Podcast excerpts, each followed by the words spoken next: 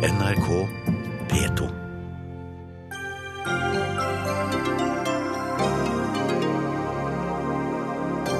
Russland bomber mål i Syria for første gang.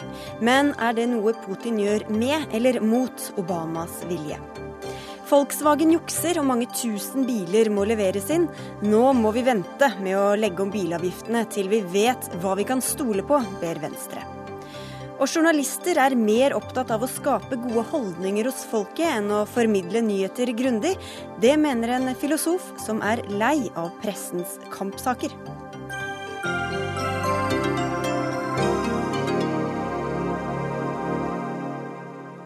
Dette er noen av overskriftene i dagens Dagsnytt 18 på NRK P2 og NRK2. Jeg heter Sigrid Solund.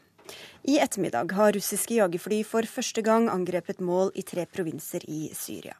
Tidligere i dag stemte den russiske nasjonalforsamlinga enstemmig for at president Vladimir Putin kunne beordre luftangrep i Syria. Og Putin sier det er viktig å handle forebyggende og bekjempe og ødelegge opprørerne og terroristene der de befinner seg, før de kommer til oss. Og med oss mente han vel Russland-Moskva-korrespondent Morten Jentoft? Det gjorde han nok. Eh, dette har vært en argumentasjon som har blitt trukket kraftig fram fra russisk side de to siste dagene. Dette at den islamske staten i eh, sine ledd har eh, flere tusen soldater da, med bakgrunn da fra Russland. Sånn at man gjør nå da denne russiske militære innsatsen i Syria også til en kamp for Russlands nasjonale interesser. Det gjelder å stoppe terrorgrupper eh, før de eventuelt blir så store at de også kan utgjøre en trussel innad i Russland. Vi vet jo at eh, Russland har ført en lang kamp mot eh, eh, radikale islamske grupper i eh, Kaukasus. Sånn at man har eh, selvfølgelig noe å komme med her, da.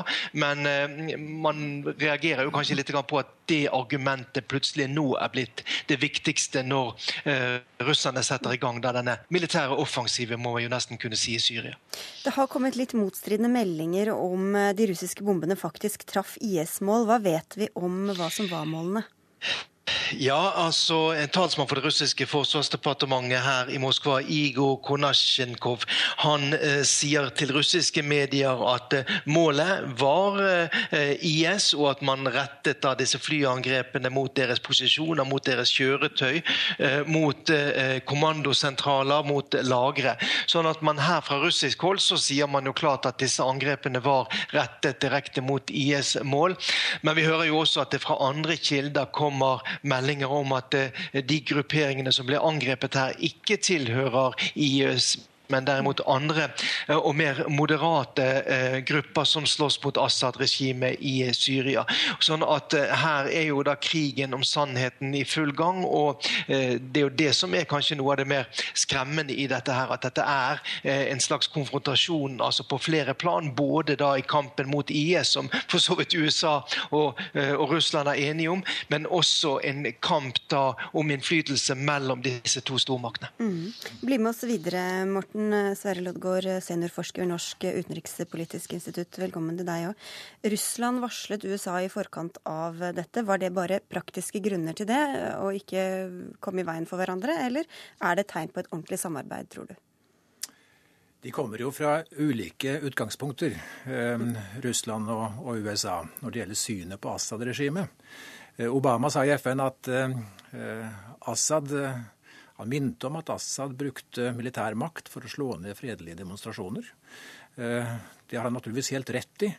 Eh, som far så sønn. Eh, det ligger i dette regimets DNA å bruke militær makt, altså militær brutalitet, om du vil.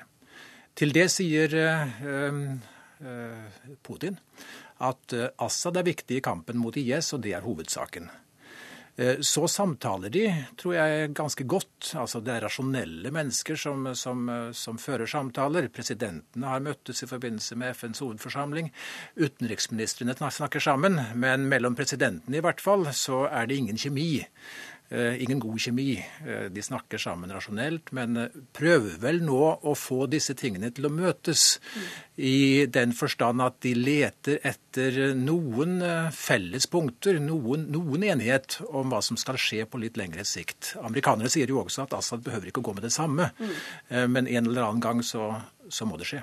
Men fordi, Morten Jentoft, denne utviklinga i dag det betyr ikke at Russland er med i den amerikanskledde offensiven for å, å bombe IS, eller hva?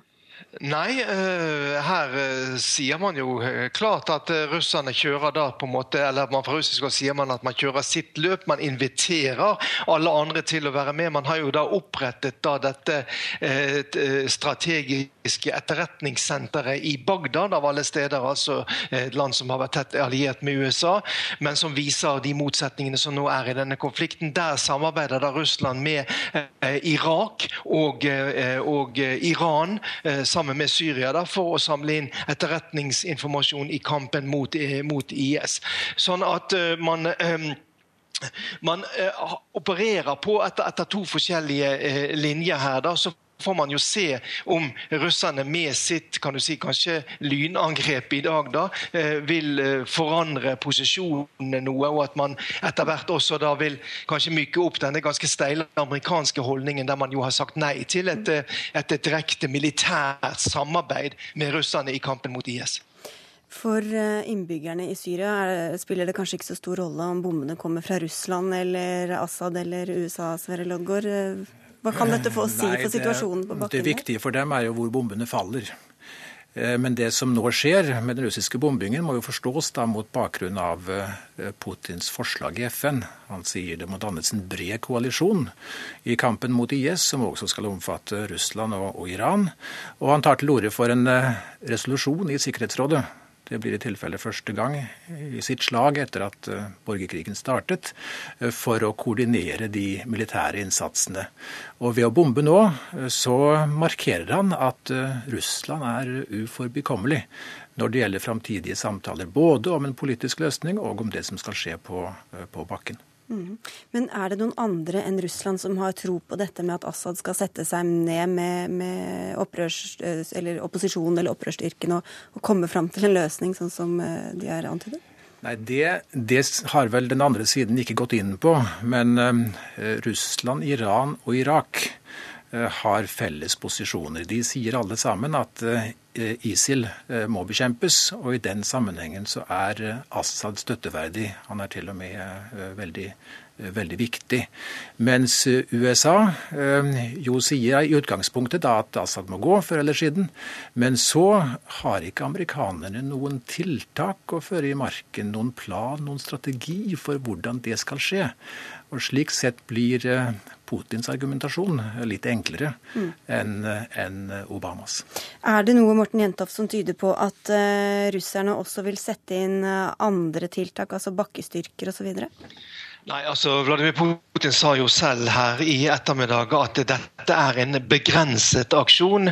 Det er kun snakk om å sette inn eh, flyvåpenet her. Det er ikke snakk om å sette inn bakkestyrker. Det vet han ikke vil være spesielt populært heller her i Russland. Det er jo veldig mange her i Russland som er skeptisk til at man skal involvere seg militært i et land som Syria. Erfaringene fra Afghanistan-krigen på 1980-tallet sitter dypt hos veldig mange folk. Meningsmålinger her viser faktisk at at i denne saken her så må eh, Vladimir Putin gå forsiktig fram, fordi at han, eh, han ikke har full støtte i, i folket heller. Samtidig så er det jo mange her som mener selvfølgelig at, eh, at Vesten har spilt fallitt i Midtøsten, og, og, og, mener det at det russiske politiske synet på denne konflikten det er, er riktig. Takk skal du ha, Morten Jentoft, og tusen takk til deg, Sverre Loddgaard, for at du kom til Dagsnytt 18 i dag. Dagsnytt 18 alle hverdager klokka 18. På NRK P2 og NRK2.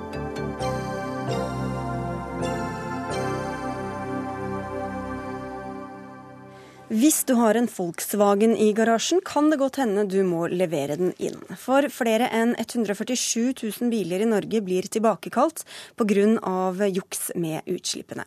11 millioner biler verden over har programvaren som gjør at det ser ut som om bilen har lavere utslipp når det blir testa, enn når de kjører som vanlig. Hvordan er det med deg, Ola Elvestuen fra Venstre, må du levere tilbake noen ting? Du, jeg bruker sykkel og trikk, så det, så det slipper jeg. Du leder energi- og miljøkomiteen på Stortinget, og du mener at denne saken også bør få den konsekvens at eh, dere utsetter å legge om avgiftene på bilene slik det er planlagt. Hvorfor det?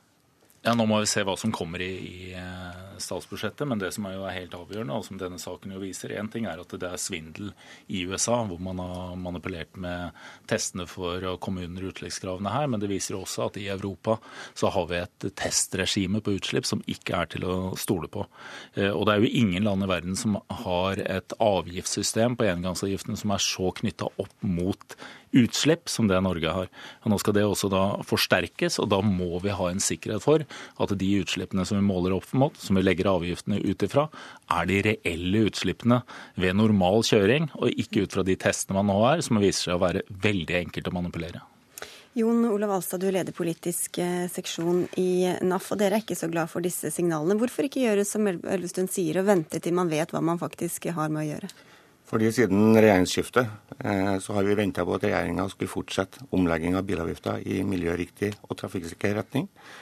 Eh, vi har hele tida blitt lovt å få en eh, avklaring og få en gjennomgang av de bilavgiftene. Det fikk vi omsider i vår.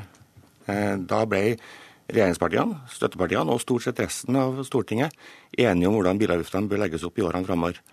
Eh, vi er nå utålmodige for at dette skal settes ut i livet. Vi har hatt to års reformpause der det har stått på stedet hvil. Vi er avhengig av nå både å få en bilpark som er mer miljøvennlig, men også som er mer trafikksikker. Men hvis man ikke vet hva som er miljøvennlig, da, fordi at det jukses så fælt, hvordan kan man da vite at man gjør de riktige tingene? Ja, altså Eurotesten er en, en standardtest eh, som brukes for å lage sammenligningsgrunnlag mellom bilene.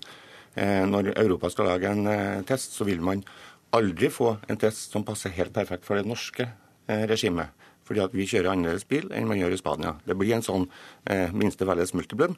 Eh, det som kanskje er bra med denne saken, er at nå får EU fart på seg. Vi har, de har jobba med å få utvikla en ny test i mange, mange år. Eh, bilprodusentene har dessverre vært imot det. Eh, vi kan vel kanskje tro at denne gangen får bilprodusentene litt mindre å si, og vi forbrukerne litt mer å si. Ja, Det er ingen tvil om at bilindustrien har hatt altfor mye å si og altfor mye makt inn i det som er det europeiske eh, regimet. Eh, for det er, en, det er, jo også et paradoks eh, at dette avsløres i USA. Og hvorfor har det ikke vært avslørt i Europa tidligere, som jo har 50 eh, dieselandel? Og den testen og den eurotesten som vi er, er jo ikke i nærheten av å være, være god nok. Dette er jo en åpen låvedør for manipula, manipulasjon. Og bilindustrien har jobba hardt imot å få endringer på den tidligere. Nå må vi faktisk vite hva som er de faktiske utslippene. For det vi er helt enige om er at vi skal ha en mer miljøvennlig eh, bilpark. Vi skal over på nullutslipp. Vi må over på nullutslipp i løpet av en tiårsperiode. Men da må vi også vite at når vi gjør endringer, vi får, eh, at vi ikke nå gjør eh, skattelettelser på biler som faktisk forurenser mer. Vi må vite at det er de miljøvennlige bilene kan, kan som får ikke, fordelene. Kan dere ikke ta noen grep og så heller justere etter hvert, da, dersom testene viser noe helt annet enn det man har trodd til nå? Ja, det ene er at vi trenger ikke nødvendigvis bare å sitte og vente. Vi kan begynne å teste dette selv. Eh, Norge, som alle andre EU-land, kan også ta egne initiativ for å få på plass reelle tall som vi kan forholde oss eh, til. Eh, nå får vi se hva som legges fram i, i statsbudsjettet, og så må vi også se på hvor fort denne endringen kan komme innenfor EU. Men vi er nødt til å få reelle tall, sånn at vi får den effekten vi ønsker, som er at vi må få renere biler. Og det som jo er det alvorlige med dette, er jo at vi har hatt et system hvor du stadig vekk har fått, selv om bilene har blitt rene, så har fått dårligere luft i de store byene. Ikke bare i Norge, men det har fått i hele Europa. Det, det, det, henger faktisk sammen. Men i Norge har vi lagt på, veldig mye vekt på CO2. Eh, men fortsatt så er det sånn at avgiftssystemet i dag legger bare 16 av avgiften vår er CO2-avgift. Resten er i hovedsak vekt, ca. 70 eh, Så det er overmodent for å få til reformer. Og vi, altså vi skifter ut bare 5% av bilparken vår i Norge. Det betyr at de bilene som selges i morgen, de er fortsatt om 20 år. Hvis vi skal tro at vi skal være i nærheten av å komme utslippene til livs fra veisektoren, så er vi avhengig av å få eh, de endringene på plass fortest mulig, og ikke vente lenger. Du kalte dette, Da vi snakket med dere tidligere i dag, så sa dere at det, er liksom typisk Venstre og misforstått miljøpolitikk å komme med dette utspillet? Ja, altså, Det er jo litt sånn interessant eh, problemstilling vi kan stå oppe i på, på, på onsdag. Hvor Fremskrittspartiets finansminister legger fram et miljøvennlig forslag, og så sier Venstre nei. Men jeg håper jo ikke vi kommer dit. Jeg regner med at Når statsbudsjettet kommer til uka, ja. Kommer til uka. For det er, det er har drevet fram disse endringene som har blitt enige om også i år, og drevet fram både nullutslippskjøretøy og ambisjonsnivået de neste ti årene. Skal vi nå utslippsmålene, så må også godt som 100% være nullutslipp innen 2025. Det som er helt avgjørende, nettopp fordi bilene skal vare så lenge, og fordi du også må skru opp det som er den NOx-biten, som jo fra 2008 har ligget alt diesel, dieselutslippene, som har ligget altfor lavt, som jo har gjort at du har fått en bilpark som har forurensa kraftig i de, i de, store byene. Det var feilgrep som ble gjort den gangen. Dette må vi rette opp. Men da må vi vite at disse her testene er de korrekte, og det har vi en felles interesse av. å få, ja, få Da må jeg bare spørre deg, Ola Elvestuen, for dere var jo med på denne omleggingen i våre som, som, ble referert til her. og Når du sier at du ikke har hatt noe tiltro til bilindustrien og til de testene i EU, hvorfor har dere ikke da gått grundigere til verks i utgangspunktet før dere vridde om den, den tentative? Den enigheten som er fra vår, er at du har noen prinsipper som du har blitt enige om, som så skal, så skal gå Hvorfor har dere ikke undersøkt mer selv da, før man har gått og laget et nytt avgiftssystem? Dette, de prinsippene ligger jo i forhold til at du skal ha en økning i forhold til CO2, enda skarpere. At du må få inn den NOx-komponenten. Og så har det gjennom lang tid vært sånn at det har vært innspill både miljø, fra miljøbevegelsen og andre på at uh, utslippene reelt ved kjøring er langt høyere enn det testresultatene har vist.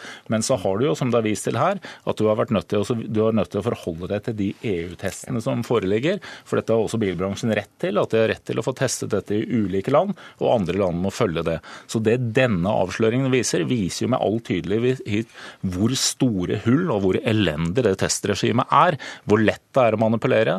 Og nå har vi muligheten både for å sette i gang med, sette i gang med å gjøre tester selv, og sørge for at dette kommer på plass og kommer på riktig på plass. Og, og, og, det, en, og det, er en, utfordring, for i Norge i dag finnes det ingen plass det er mulig å foreta den typen testing. Nå er mer enn villig til å ta jobben med å bygge det opp. For alle de testene vi har kjørt de siste ti årene, har vist det avviket som Elvestuen er inne på. Så det er ikke noen nyhet som eh, kom med, med Volkswagen-saken. Den har vært der eh, hele veien. Den. Nå får vi antageligvis en test fra og med neste år som er betydelig bedre. Den skal gi utslag eh, fra 2020, eh, men vi kan ikke vente på det. Eh, klimamålsettinga til Stortinget gjelder fra 2020. Vi må få utskifta store deler av bilparken vår før det. Og så gjenstår det å se hva som blir lagt fram på onsdag, og om dere sier ja eller nei til det. Det skal være en langt regnere bilpark i åra framover, og det må skje fort. Takk skal dere ha, i hvert fall begge to. Jon Olav Alstad fra NAF og Ola Elvestuen fra Venstre.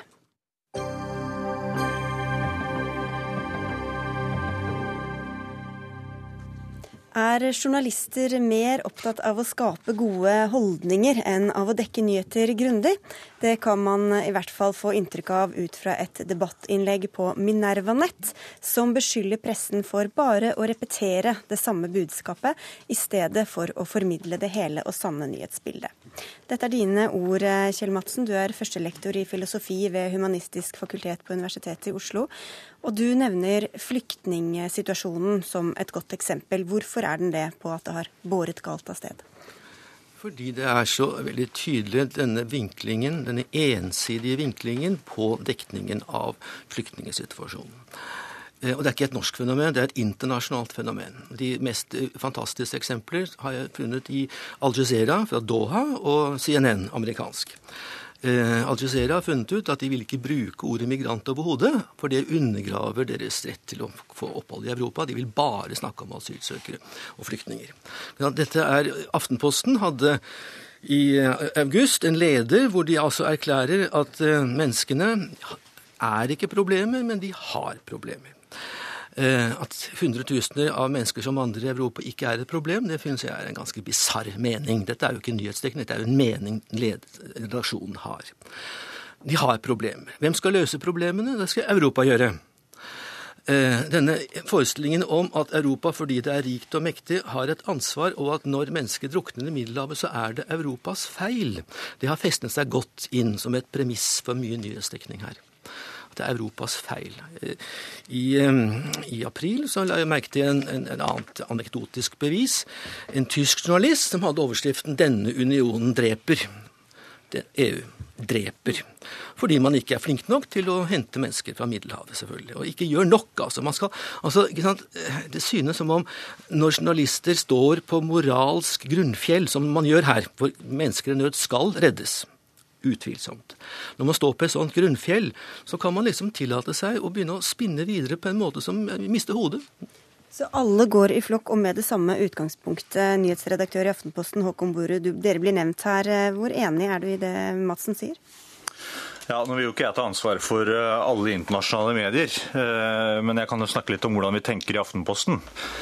Om jeg har forstått eh, Madsen rett, så har han som utgangspunkt at flyktningkrisen er et problem i kraft av antall mennesker som kommer til Europa nå. Og Det mener jeg er et helt ærlig standpunkt, men det er ikke et tilstrekkelig standpunkt å dømme høstens samlede mediedekning som en journalistisk kampsak.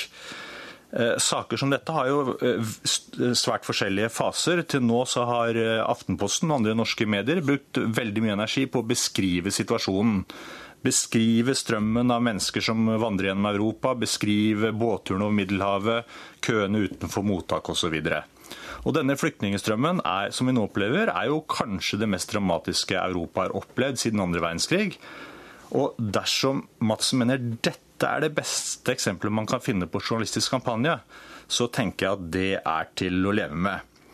Og så skal vi selvfølgelig være åpne for å diskutere om fremstillingen vår er balansert, om vi problematiserer nok utfordringen ved å ta imot det antall flyktninger som nå vandrer gjennom Europa. Det tenker jeg er neste fase som nå kommer inn, og den debatten har jo allerede startet i norske medier.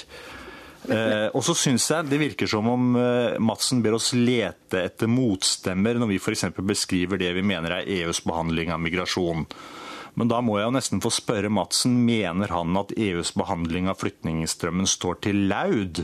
Det er jo ingen som, i hvert fall ingen som jeg har lagt merke til, som mener at det er EUs feil at det har oppstått en flyktningstrøm. Men det er jo hvordan vi tar imot disse menneskene som er blitt kritisert, selv av EU. Vi kan jo la Madsen få svare. Ja, altså, Tyskland er jo det sentrale landet her. Og der har jo forbundskansler Merkel satt tonen med hennes motto 'dette klarer vi'. Dette klarer vi. Og ordet 'ubegrenset' har festet seg. ikke sant? Vi kan ta imot ikke ubegrenset mange mennesker, men ubegrenset mange asylsøkere. Eh, siste tallet jeg sjekket for et par timer siden på Spiegel Online, er at i september måned alene kom det til Bayern 170 000 nye immigranter. 170 000 i på én måned. Og dette er altså, du kan si at Uansvarligheten ligger fra egentlig tysk regjeringshold. For man har sendt signaler gang på gang om at her er dere velkomne. Men, men blir, ok, Hvis vi bare ser nå på pressedekninga, nyhetsredaktør i NRK Stein Bjøntegård, eh, som Madsen er inne på. Det er noe med ordene man bruker. Eh, vi sier flyktninger, asylsøkere i stedet for migranter. Viser bilder av barn i stedet for voksne menn. Hvordan, hvilket totalbilde skaper alt dette, tror du? Altså Jeg mener at uh, totalbildet er ikke slik Madsen eh, fremstiller det. Selvfølgelig dekker vi de flyktningene som kommer til Europa. Det skulle bare mangle om vi ikke skal gjøre det. Som Borud sier, dette er jo det, det virkelig banebrytende som skjer i Europa akkurat nå. Det kommer til å endre Europa. Eh, på eh, flere måter. Og det er klart at da må man ta imot det på et vis. At det burde være større debatt i Tyskland, det kan ikke vi gjøre så veldig mye med. Men vi dekker debatten som er i Tyskland, og den har faktisk eh, blitt mer tiltagende de siste dagene. Merkel har ikke bare sagt at hun kan leve med de 170 000 som kommer. Hun har sagt at hun trenger 500 000. Så det er jo selvfølgelig en diskusjon som man må ta. Og dette er en viktig diskusjon, og selvfølgelig skal vi dekke det. Jeg føler meg ikke, kjenner meg ikke igjen i, i at vi på en måte viser fram barn bare. Vi dekker stort sett eh, menn når vi snakker med folk som er på flukt. Det er et ikonisk bilde av et barn som, eh, som vi har vist fram, og som det er veldig mye diskusjon rundt, og som kanskje er på netthinnen til veldig mange. Men det er ikke sånn at vi har Eh, lett etter dem på noen måte for å skape en slags kamp her. Og det som Madsen tar feil på, er at vi har på en måte framstilt EU som problemet. Problemet ligger i stor grad i Syria og de som bomber Syria. Og så mener jeg det er altså på tide å avlyte en myte som Madsen uh, gjentar, og som sitter veldig hardt fast i akademiske kretser. Og det er dette med at noe av det mest salgbare er lidelse og død. Alle som har fulgt med på norske medier en stund, og alle som i hvert fall har vært innom løssalgspressen, vet at det er ikke lidelse og død som selger, eh, selger saker. Det er faktisk det omvendte. Folk orker ikke for mye lidelse og død. Dette, dette dekker vi fordi det er viktig. Og fordi det som det blir sagt her, det kommer til å endre Europa. Ja, Madsen, du tillegger eh, journalistene visse motiver på en måte i, eh, i denne kronikken din. Hvorfor tror du at, at dekninga blir som den blir? ut fra ditt ståsted? står på moralsk grunnfjell, selvfølgelig. At når mennesker er i nød, så skal de hjelpes. Det er derfor. Fordi man har sant, en, en, en, en, moralsk uangripelig posisjon. At mennesker skal hjelpes. Og da er det hvem kan hjelpe dem? Ja, det er jo den rike verden. Ergo så må altså EU åpne grensene, og vi har altså da ikke bare Merkel, men vi har også paven vi har Men hva savner FNs... du da i, i den norske dekninga, for å ta det? Jeg savner f.eks. en uttalelse som jeg har hørt én eneste journalist i Europa som har kommet med, og det var en gresk journalist, og han sa løsningen ligger ikke i mottakerlandene. Altså, ja, men, den, ja, men den uttalelsen har da jammen meg kommet frem i, norsk, i den norske debatten? Det er mulig. Det er mulig, jeg har ikke observert det. Og, og, og det, det, jeg synes Utfordringen er at du bruker f.eks. en lederartikkel i Aftenposten for å, som et bevis på at man driver en kampanjejournalistikk. Og Da må jeg bare få påpeke at uh, lederartiklene i Aftenposten bestemmer ikke nyhetsjournalistikken i Aftenposten. Det gjør nyhetsredaktøren, som ikke har noe med lederartiklene å gjøre. Og Vi skiller også, nå sier jeg vi, eller NRK, Bjøntegård, mellom kommentar og med, med, mellom nyhetsstoff. Men er det, som Madsen er inne på, en, en glidende overgang, sånn at det er dette moralske aspektet som også ligger til grunn for nyhetsdekningen? Nei, jeg mener ikke det. Jeg, jeg mener at vi også har dekket eh, de andre sidene av dette. Vi har dekket årsaken, altså krigen i Syria f.eks. Dekker vi veldig inngående. Hva skjer der? Eh, det er jo årsaken til dette. Veldig mange av de som kommer, kommer derfra. Og så har vi dekket eh, det som skjer i nærområdene, den lidelsen som er der. Eh, og vi har fulgt Per Sandberg der, som jo var veldig tydelig på at her må det mer hjelp, her må det bedre hjelp. Og den diskusjonen har vi også dekket. Vi har dekket menneskesmuglerne, som jo profitterer på dette. Så det er, ikke, det er ikke sånn at vi bare dekker dette fra den ene siden. Madsen, det er to mot én. to mot én. Det er vel sånn, For å understreke dette flokkmentaliteten. Ja. Mm. Du, får, du, får, avslutte seansen, du da, siden det ble litt ja, skjønt. Nei, altså, Dere sier at jeg gir et feilaktig bilde. Det er mitt bilde. Jeg er klar over at en leder ikke er en nyhetssak. Det er redaksjonens oppfatning, og de uh, andre journalister og andre kommer til orde. Også jeg har kommet til orde i Aftenposten med min oppfatning. Klager ikke over sensur her. Men min påstand er altså, det er jo selvfølgelig diskutabel påstand, og man kan jo da TV-seere og avislesere vurderer selv at den oppfatningen om at mennesker, disse menneskene er ikke et problem, men de har problemer, og at det er Europas ansvar på en eller annen måte, enten ved intervensjon her, eller ved hjelp der, eller ved åpne grenser der, å løse disse problemene. Dette har nå ført til at særlig Tyskland er kommet i et uføre. Det sitter antageligvis mange hundre tusen mennesker i Tyskland nå som ikke har rett til å være der etter tysk politikk. Og Vi får bare håpe at det går fredelig for seg i fortsettelsen. Og jeg syns ikke at mediene har vært særlig hjelpsomme her, for de har bare hauset opp ideen om at kom til Europa, vi skal løse det. Det er mitt inntrykk, ja. Vi fikk i hvert fall diskutert et stykke på vei eh, her i Dagsnytt 18. Vi får eh, takke av eh, hjertelig alle tre. Kjell Madsen fra Universitetet i Oslo, Håkon Boru fra Aftenposten og Stein Bjøntegard fra NRK. Hør Dagsnytt 18 når du vil. Radio NRK.no.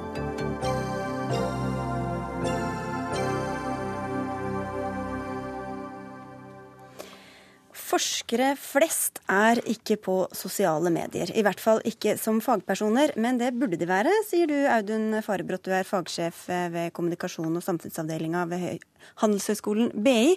Og du har skrevet kronikk og blogget om dette. Hvorfor er det så viktig at forskere er på sosiale medier, syns du? Sosiale medier gir for det første en, en mulighet til å dele kunnskap med et stort eh, potensielt publikum på tvers av landegrenser.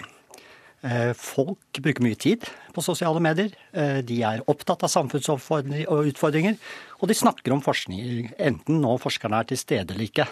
Men det er faktisk ikke den viktigste grunnen til å være der kunnskap, veien til kunnskap går i økende grad gjennom Google, søkemotorer, andre digitale kanaler. Og da er jo spørsmålet hva finner de når de søker etter kunnskap og kompetanse? Da gir eh, sosiale medier gir forskere en mulighet til å øke sannsynligheten for å bli funnet. Det er også med på å øke anerkjennelsen deres som forskere, og bidrar også til en økt samfunnsmessig verdiskaping. Hvorfor tror du at så få, i hvert fall ifølge deg, ikke er der, da? Det som er, er der, ja. mm. veldig bra, er at eh, fra at siden noen år tilbake igjen, så er det slik at skepsis til å være til stede i sosiale medier er blitt eh, erstattet med en økende nysgjerrighet eh, for å være til stede der. Men grunnen til at det da fortsatt er relativt få der, er at de vet ikke helt hvordan de skal eh, ta den i bruk. Mm. Og så er det også slik at det er litt rann, eh, ja, redsel der, litt rann frykt. Det er slik at, eh, og det er flere ting man egentlig kan være litt redd for. Hva måtte kolleger på nabokontoret si? Mm. Eh, eh, du kan være litt redd for å møte og måtte bruke mye tid på nettroll og profesjonelle kranglefanter. Og du risikerer også frykten for kanskje å tabbe deg ut i sosiale medier. Ja, det er mye å frykte, Petter Oslestad. Du er forbundsleder i Forskerforbundet. Er det det som er grunnen til at det ikke er flere av dine medlemmer eh, på Facebook og Twitter og andre sosiale medier? Ja, nå vet jeg jo ikke helt hvor, hvor underrepresenterte forskere er på sosiale medier. De fleste av oss som er akademikere, vi liker jo veldig godt å formidle det vi jobber med. Så uh, det kan jo tenkes at uh, vi foreløpig, eller mange kan erfare sosiale medier som en, en tidstyv, f.eks. Dette å forske krever eh, tid til å ikke la seg avlede. Og der vet vi jo alle at uh, sosiale medier kan uh, kanskje ta uforholdsmessig mye av tiden vår. Men jeg tror jo også at vi har i de senere år endret holdning, slik som Farbrot sier. Vi kjenner jo nå gjennom flere år nå disse såkalte eh, forsker-Grand Prix, som er blitt veldig populære. At eh, unge forskere på to minutter forteller hva de eh, forsker på, og hvorfor det er viktig det de gjør. Mm. Og Det gjør de da ikke i, nødvendigvis i sosiale medier, men i en teatersalong. Og jeg tror kanskje at man ikke skal hefte seg for mye opp i at formidling nødvendigvis skal foregå gjennom sosiale medier. Mm. Vi som er akademikere, vi er jo veldig vant til å formidle til våre studenter og eh, til eh, både gjennom undervisning og veiledning. Jeg har merket meg at Farbrot eh, har latt seg begeistre av forskningsdagene. og Det er nettopp dager hvor vi er på torget og snakker med folk. Ja. Som Farbrot sa minner litt om hvordan de greske filosofene formidlet sin kunnskap. Jeg tror det, ja. å, gå inn, å, gå inn, den uh, veien kan være, være en, en, grei åpning mot det er kanskje ikke noe enten-eller her, Farbrot, vil du si, men, men, det er vel kanskje også noe i forskningens natur som strider mot det litt overfladiske eller kjappe og i, i eh, sosiale medier? Hvordan vet du at det er formålstjenlig å bruke tid og energi på å være der? Det er én eh, ting. Er, eh, nå tenker jeg på at sosiale medier også på mange måter kan sies å være svaret på torgene, og i hvert fall muligheter til å ha torg der du møter folk hver eneste dag. Og som jeg nevnte i sted, så er jo veien til kunnskap går i stadig oftere grad gjennom sosiale medier. Folk går ikke lenger i biblioteket eller andre steder for å finne kilder. Og det er mulig å presentere ting kort for å vekke den interessen, nysgjerrigheten, som gjør at eh, flere går til originalvaren. Er du tilsynelig løfter kunnskapen ut av så, eh, av de vitenskapelige tidsskriftene, så får du faktisk flere til å lese også den originale forskningen. Jeg har selv, eh, sammen med en kollega på Handelshøyskolen BI, publisert en internasjonal vitenskapelig artikkel. Etter at vi fikk presentert den populært, så har da antall som har lastet ned og lest den originale vitenskapelige artikkelen, blitt mangedoblet. Men jeg er helt enig med eh, Petter Oslestad i at eh, tid er en viktig eh, faktor for forskere. Det jeg opplever som den viktigste barrieren, er det å få nødvendig starthjelp til å sørge for at den tiden du bruker på sosiale medier, ikke er bortkastet. Og det kan de få av deg? Det kan de få av meg. Og i løpet av året så kommer det også en bok om sosiale medier for forskere, som nettopp skal gi den starthjelpen. Tilfeldigvis. Tusen takk skal du ha i hvert fall for at du kom til eh, Dagsnytt 18, Audun Farbrot, og også Petter Oslestad fra Forskerforbundet med på telefon.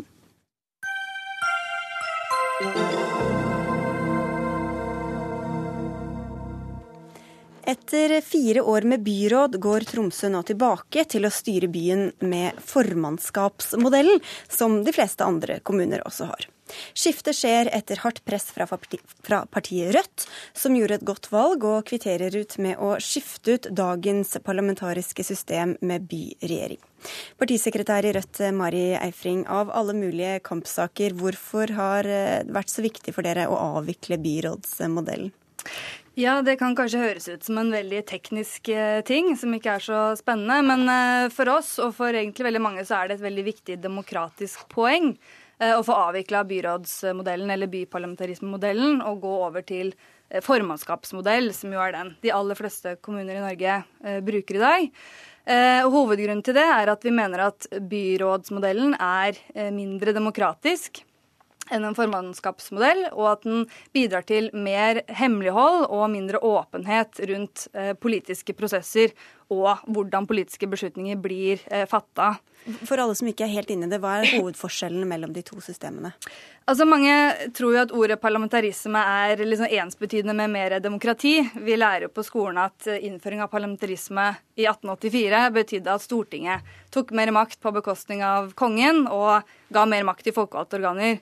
Eh, men når vi snakker om byparlamentarisme, så er det i praksis det motsatte. Eh, da tar man og forskyver makt fra eh, bystyret og opp til en liten elite, altså en gruppe på kanskje fem til åtte personer, som da er byrådet. Så det det betyr i praksis, er at man forskyver makt fra et bystyre til færre personer. Og disse trenger ikke engang å være folkevalgte. F.eks. i Bergen så har man jo fram til nå hatt en byrådsleder som ingen har stemt på, bortsett fra Bergen Høyre. Sånn at det fører til en del udemokratiske ting, og det gjør også prosessene fram til uh, politiske valg blir mer lukka. Avtroppende byrådsleder i Tromsø for Høyre, Øyvind Hilmarsen. Du er rett og slett bekymra for byens framtid når Rødt får så stor makt, og bl.a. fordi de avvikler nettopp denne modellen. Hvorfor er det så farlig? Nei, Jeg synes at parlamentarismen, som de fleste demokratier i verden er styrt etter, er en mye bedre styringsmodell for en kommune. Og det er en mer moderne styringsmodell.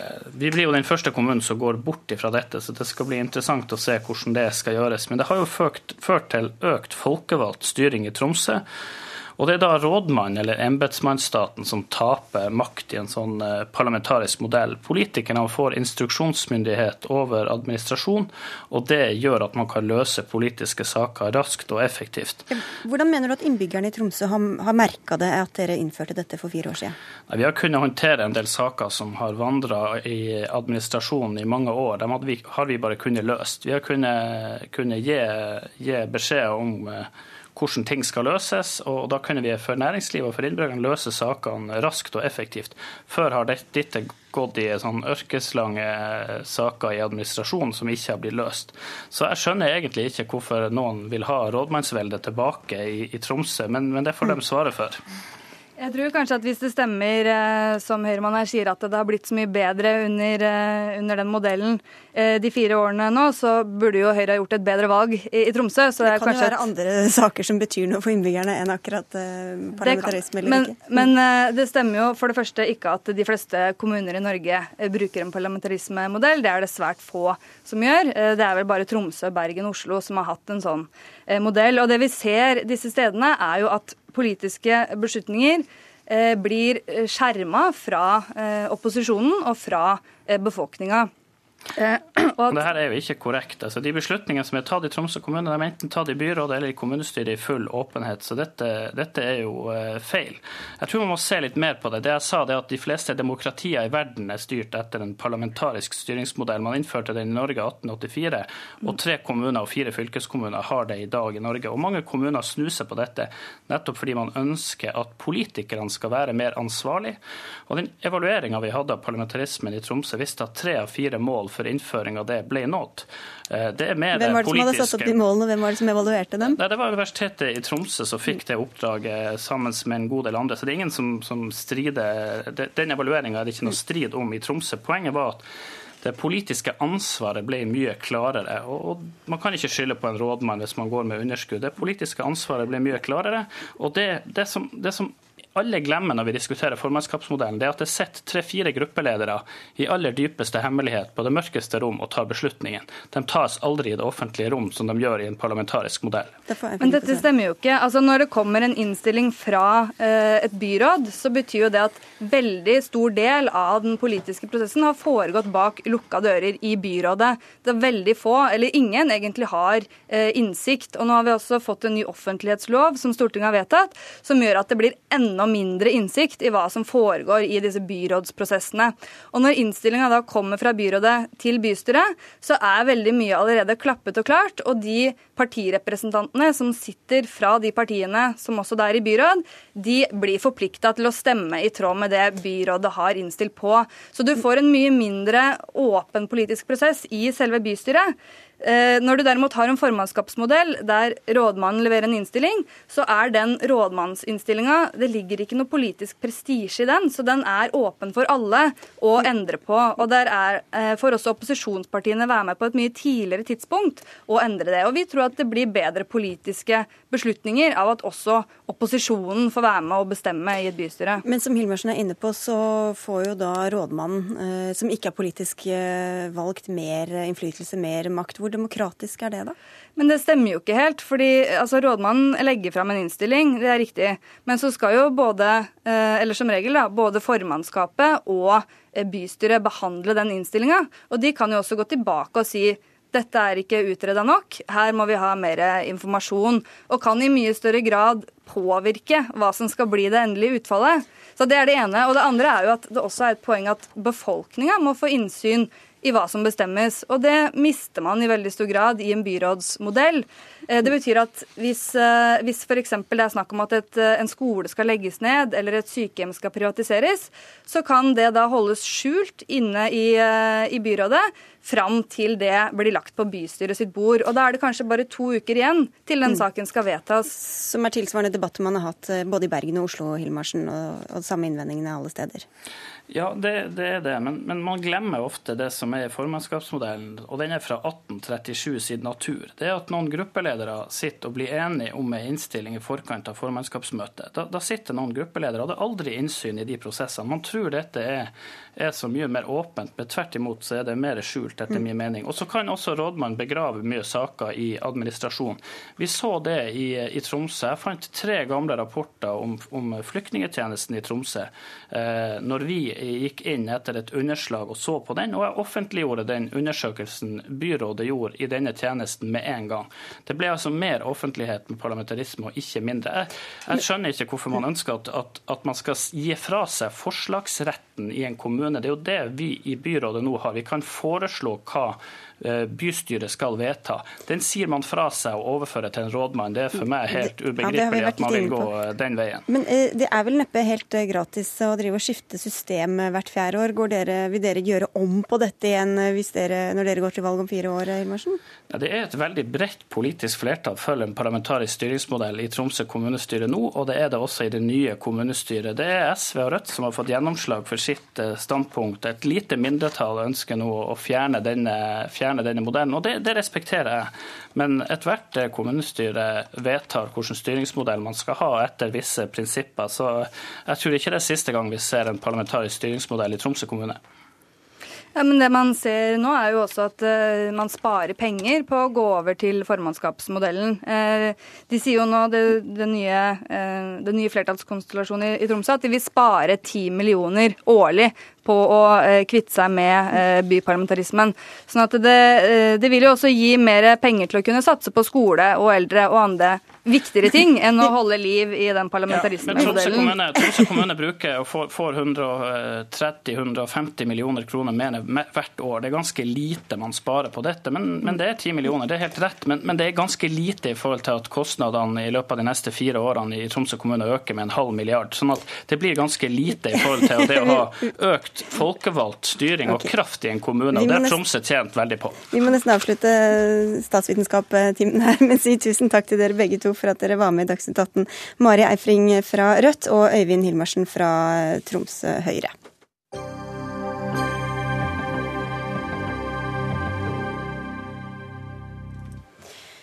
I dag eh, blir det palestinske flagget heist utenfor FNs hovedkvarter i New York. Palestinernes president Mahmoud Abbas kaller dette palestinernes øyeblikk av håp. Og Tove Bjørgaas, USA-korrespondent for NRK, hvorfor er det en begivenhet at det palestinske flagget heises her? Det var jo for noen måneder siden at det ble vedtatt i eh, Sikkerhetsrådet at, eh, var det vel, at eh, Palestina skulle få lov til å ha flagget sitt eh, utenfor FN i likhet med de andre medlemslandene. Og nå om noen få minutter så skal det være en seremoni inne i den såkalte Rosehagen i FN, der Mahmoud Abbas, Ban Ki-moon og presidenten i hovedforsamlingen, Mogens Lykketoft, skal være til stede. Og så har også Abbas snakket på FNs talerstol i dag. Hva sa han? Han sa at han ikke føler seg bundet av Oslo-prosessen lenger. Eh, og, og ønsker å heve palestinernes eh, rettigheter. Senere i dag skal det jo være møte i den såkalte giverlandsgruppen som Norge leder. og Forventningene til det møtet er, ikke veldig store. Eh, det er vel, jeg snakket med utenriksministeren om dette i går, og han forventer at noen innrømmelser fra Israel. Men det er vel slik at det er en, en givertretthet i forhold til denne prosessen her nå. Og det er også veldig mange andre saker som overskygger dette, dette fullstendig på denne generalforsamlingen i FN. Under normale forhold så ville denne saken kanskje fått mye oppmerksomhet, men i dag så er det ja, mange andre saker som er viktigere. Midtøsten-korrespondent Sigurd Falkenberg Mikkelsen, du er i Jerusalem. USA var imot at det palestinske flagget skulle heises. Eh, hva er israelernes holdning til at, eh, at det skjer? Nei, Israelerne har jo også motarbeidet uh, dette. De har ønsket jo heller ikke at uh, palestinerne skulle få medlemskap uh, i FN. Dette også med observatørstatus-medlemskapet de har. Sånn at det er, det, er, det er, den biten, og det er en del av den palestinske skal vi kalle det, diplomatiske offensiven. Altså de prøver å jobbe gjennom internasjonale fora, i og med at de da har gitt opp Eh, bilaterale, de bilaterale forhandlingene med israelerne. Palestinerne mener at ikke de får noe som helst eh, ut av det. Mahmoud Abbas lovet en overraskelse, men den er vel ikke helt kommet? Nei, og det var faktisk ikke ventet heller. Han gikk jo høyt ut på banen for et par uker siden. Og så har det blitt spilt tonen ganske kraftig ned i forkant av talen. Og talen var en ganske standard tale fra Abbas. Eh, ikke spesielt eh, inspirerende. Eh, og det er også slik at det er også slik at Abbas har et trøbbel på hjemmebane. Det er delvis stor misnøye med måten han styrer, styrer på i de palestinske områdene. Samtidig som han da er under et internasjonalt press. Så han har alltid en sånn vanskelig dobbeltrolle. Takk skal du ha, Sigurd Falkenberg Mikkelsen, og takk til Tove Bjørgaas, eh, Midtøsten-forsker Hilde Henriksen Våge. Dette, denne flaggheisingen, du kaller det også symbolpolitikk, og mener det er naivt å tro at dette betyr noe særlig. Hvorfor det? Eh, jo, det er eh, bare dette som på en måte er igjen, disse små smulene fra en Eh, stor prosess, en Oslo-prosess, som skulle gi håp, som skulle gi en palestinsk eh, stat. Eh, og vi ser nå alle hvordan dette ligger igjen som i ruiner. Det er ikke noe palestinsk stat, det er engang ikke noe visjon om en palestinsk stat. Men det er selvfølgelig et overveldende flertall av FNs medlemsstater som ønsker en palestinsk stat, og som derfor ønsker at Palestina skal bli medlem av FN, og derfor vil heise dette flagget. Hvordan tolker du det Abbas eh, sa i dag? Eh, nei, det er ikke så enkelt å tolke utspillene til eh, president Abbas for tiden, for de går i alle mulige retninger. Eh, på den ene siden så ønsker han ikke bilaterale forhandlinger med Israel. På den andre siden så ønsker han å være en del av det internasjonale apparatet. Og så sier han da i dag at han da trekker seg fra denne, disse internasjonale rammene som er lagd rundt Oslo-prosessen. Og det er virkelig litt vanskelig å ta alvorlig, for i disse rammene så ligger også pengene og overføringene til den palestinske selvstyremyndigheten, som Abbas og palestinerne er helt avhengig av. Du kommer nettopp fra Jerusalem, der du har vært i en måned. Denne konflikten mellom Israel og Palestina har vært i internasjonale mediers søkelys i årevis, og nå er det andre konflikter og kriger som dominerer i stedet. Hvordan ser partene på det? Nei, Det er vel egentlig det jeg tror vi ser eh, nå for tiden i eh, Jerusalem. En kjempefrustrasjon eh, og sinne blant palestinerne, som ikke ser noen vei ut av uføre. Uh, ungdommer som bruker eh, kveldene og natta på å kaste stein og, og fyrverkeri mot israelske soldater. Eh, ytterliggående jødiske bosettere som prøver å presse fram sin løsning om å få hele landet. Og så ser vi da sammenstøt eh, i de siste ukene omtrent hver eneste kveld. Og det er akkurat som det er gnister som eksploderer overalt. Stort nærvær i Jerusalem mens jeg var der av israelsk politi, hær, vannkanoner hver dag. Men de ønsker også mer oppmerksomhet fra det internasjonale samfunnet? Ja, og de har jo, eh, altså denne konflikten har jo kommet nå helt i bakleksa. Fra å være den konflikten som eh, alt fra norske medier til alle verdens medier var opptatt av, så er det ikke lenger noen som bryr seg. For det første fordi at Eh, hele saken er tapt. Den palestinske staten eh, den har ingen utsikter til å bli virkelighet. Og dernest fordi at det er andre konflikter i Midtøsten som nå overskygger denne konflikten. Og da blir frustrasjonen og sinnet stor. Og det gjelder vel også for Israels nærmeste allierte USA, som heller ikke ser ut til å bry seg nevneverdig om hva som skjer i den delen av regionen akkurat nå? Og, og det er også helt sikkert, for det, eh, det er vel omtrent eh, Eh, første gang i hvert fall på veldig mange år at en amerikansk president fra FNs talerstol ikke har nevnt denne konflikten med et eneste ord. Eh, Obama har gått lei og trøtt for lenge siden. Eh, demokratene ved f.eks. Hillary Clinton, hvis hun skulle vinne presidentvalget, hun vet veldig godt hvor umulig denne konflikten er. Og republikanske partiet er i grunnen bare opptatt av å støtte Israel. Så hva kan være framdriftselementene, om noen, i, i, denne konflikten? Nei, Det er omtrent ingen verdens ting. Og jeg tror at svaret er det vi ser på bakken. Eh, mer steiner, mer fyrverkeri, mer slåssing og mer eh, vold og flere drepte. Jeg får vel takke deg, selv om ikke det var noe gledelig budskap, eh, Hilde Henriksen Våge, for at du kom til, eh, til, Dagsnytt 18. Eh, som vi altså hører, er det flere som mener at denne flaggheisingen ikke betyr stort, og at det egentlig bare er symbolpolitikk. Men du er ikke helt enig, Kirsti Bergstø, du er stortingsrepresentant for SV. Hvorfor er denne flaggheisinga viktig? Altså, den er først og fremst viktig fordi at det er et skritt nærmere en anerkjennelse av en palestinsk stat. Eh, og det at man eh, markerer at eh, Palestina har fått observatørstatus i FN med å heise flagget, ja, det er jo både å si at, at FN er relevant, og at denne langvarige konflikten er på, på dagsorden. Eh, og Derfor så, så, er det et skritt i riktig retning. Men det er klart at et flagg som er heist, det vil jo ikke løse noen ting i den vanskelige situasjonen som det palestinske folket er i.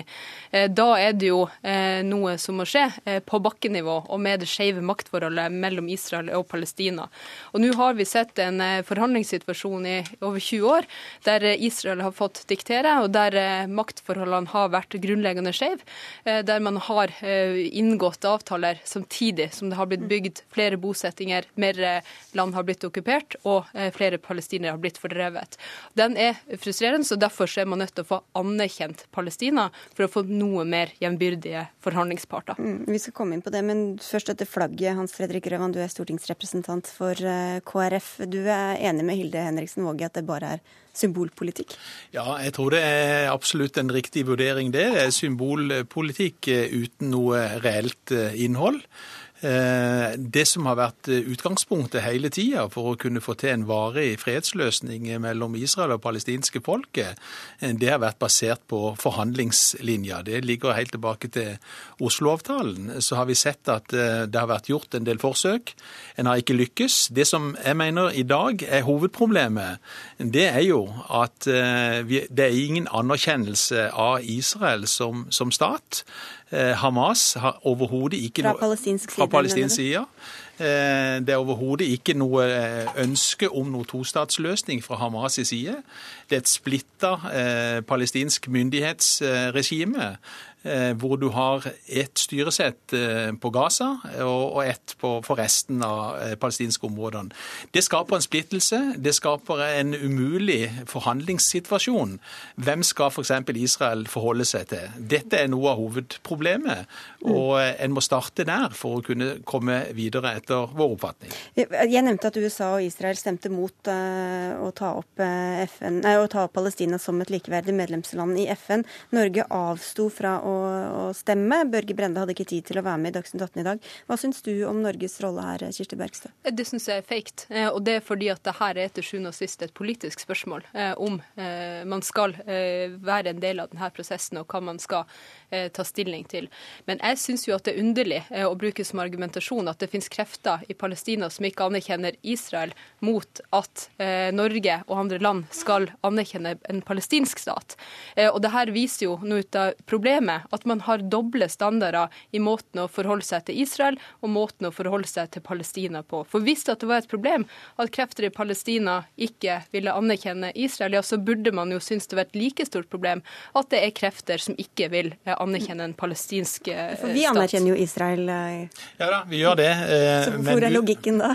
Utgangspunktet for forhandlingene var at de skulle finne en fredsløsning gjennom forhandlinger mellom to parter. Eh, så har jo Hamas overtatt i mellomtida styringa på, på, Gaza.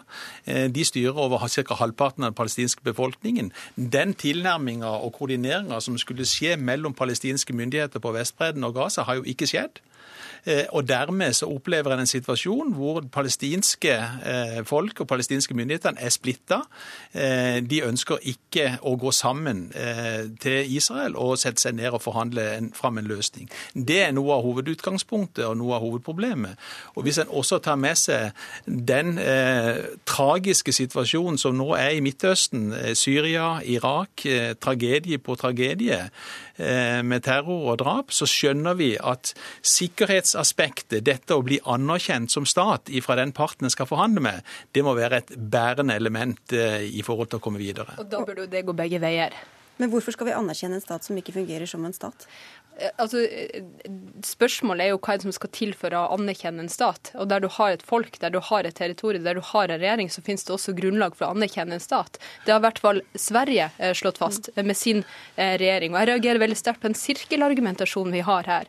Fordi at Her sier KrF at siden man Eh, ikke ser eh, en fremgang i forhandlinger, som tross alt ikke finner sted i dag, så kan man ikke eh, anerkjenne Palestina som stat. Jeg vil snu på det og si at det å anerkjenne Palestina som stat, det er en farbar vei mot et, en, en, ny runde med fredsforhandlinger og for en diplomatisk og fredelig løsning. Alternativet er at det eskalerer i vold. Ja, for Det var det vi hørte fra forskerhold her i stad. Altså, ja. Det skjer ingenting dem imellom, for å si det sånn. Og så er det noe med høna, egget og så videre. Og... Nei, og så er det jo det som Våge sa, som la merke til, at Abbas har ikke noe interesse eh, av å føre bilaterale forhandlinger med Israel. Det er jo det som er faktisk situasjonen i dag. Men hvis det internasjonale arrestere... samfunnet kom sterkere inn da, og ja, f.eks. anerkjenne Palestina? Det vil jeg gjerne komme litt tilbake til, men jeg må også arrestere Bergstø i forhold til dette her med de formelle kriteriene for å godkjenne godkjenne et land som en stat. Eh, folkerettslig så er jo faktisk ikke de til stede. De har ikke mulighet til å inngå traktater med andre land osv. Så, videre. så her er det også en del formelle ting. Men aller viktigste, eh, beklageligvis, er den splittelsen som nå er mellom palestinske myndigheter på Vestbredden og Gaza.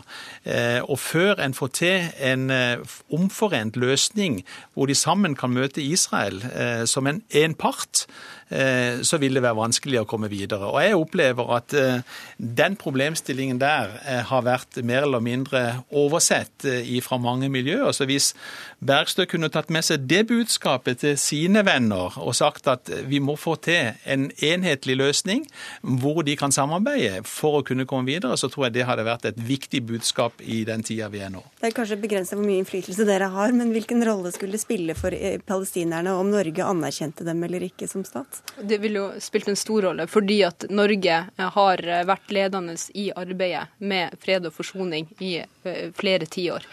Og det er klart at vi som land har jo også lagt føringene for at man skal ha en ambassade, en palestinsk ambassade, at man skal kalle det Palestina, at Palestina skal ha observatørstatus i FN. Og nå er det jo over 135 land som har anerkjent Palestina som stat, så det er jo ikke riktig at ikke det er mulig. Eh, her er spørsmålet om å legge til rette for likeverdige forhandlinger. Det har ikke skjedd til nå. Jeg vil heller stille spørsmålet hvem skal Israel forhandle med? Er det Hamas eller er det Abbas? Og det rekker vi ikke å svare på, så det får bare rett og slett bli hengende i lufta. Takk skal dere ha, i hvert fall begge to, Kirsti Bergstø fra SV og Hans Fredrik Grøvan fra KrF. Dagsnytt 18 er over for i dag. Hege Holm, Lisbeth Sellereite og Sigrid Solund ønsker god kveld.